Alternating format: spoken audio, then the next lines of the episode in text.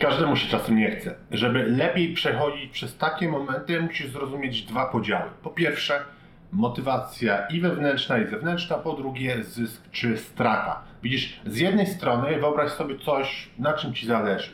Coś, co jest twoim motywatorem. Nowy dom, nowy samochód, spokój ducha, cokolwiek. Z drugiej strony coś, czego się boisz. Bycie bezdomnym, bieda w rodzinie, problemy ze zdrowiem itd., itd. Wybierz coś, co naprawdę jest tutaj dla Ciebie. I teraz zastanów się, jaki obraz zmotywował Ciebie bardziej, zysk czy strata.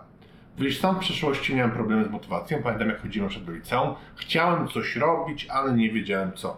Wtedy zainteresowałem się biznesem, zacząłem czytać książki, to były początki YouTube'a, więc szukałem wtedy dużo różnych filmów, ale to wszystko były tylko takie powierzchowne rady, bo widzisz, motywacja pomaga zacząć, ale to, co buduje, to jest konsekwencja i nawyk. I jest to najlepsze rozwiązanie, bo jak już tworzysz nawyk, to po prostu to robisz. To tak jak z myciem zębów. Nie musisz czuć motywacji, żeby robić to codziennie. Natomiast wiem, że czasami trudno jest zmotywować się, czy to właśnie do pracy, czy do działania, zwłaszcza kiedy mamy do czynienia z trudnymi zadaniami albo kiedy nasza praca nas nie satysfakcjonuje. Ale motywacja jest kluczem do osiągnięcia sukcesu i właśnie spełnienia marzeń. Podam Tobie kilka takich prostych sposobów, kroków, które pomogą znaleźć motywację do pracy i lepiej przetrwać. Po pierwsze, to musisz się zdenerwować, naprawdę.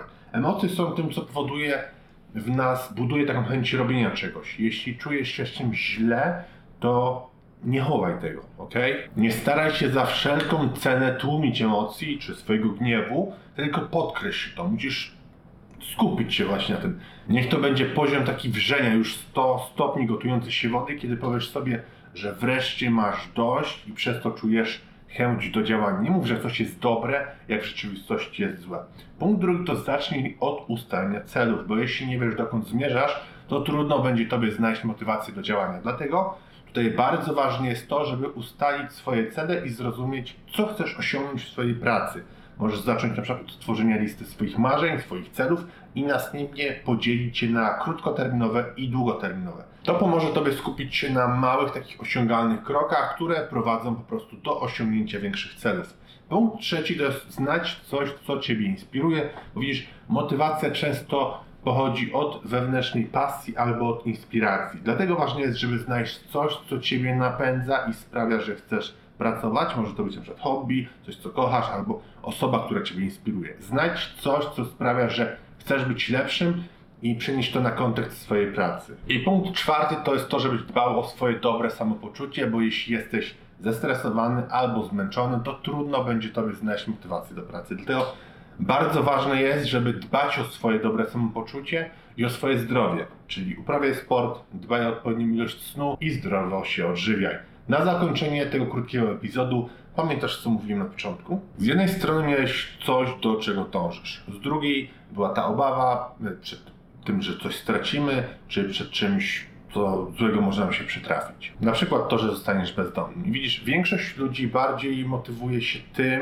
od czego uciekają bo przyjemnie jest myśleć o sukcesie, ale tak naprawdę to, co popycha do działania, to jest ból, strata, czy to, czego naprawdę nie chcemy. I mówi o tym teoria perspektywy Kahnemana i Twerskiego. Mianowicie według tej teorii ludzie są bardziej skorzy podjąć działania, podjąć ryzyko, kiedy wynik oceniają jako stratę, czyli jeśli nie podejmę działania, to moją stratą jest to, to, to, co właśnie Ciebie najbardziej tutaj powinno motywować. Dzisiaj tak odmiennie trochę od marketingu biznesu, ale motywacja jest bardzo ważna, bo pomaga nam budować dalej ten nawyk.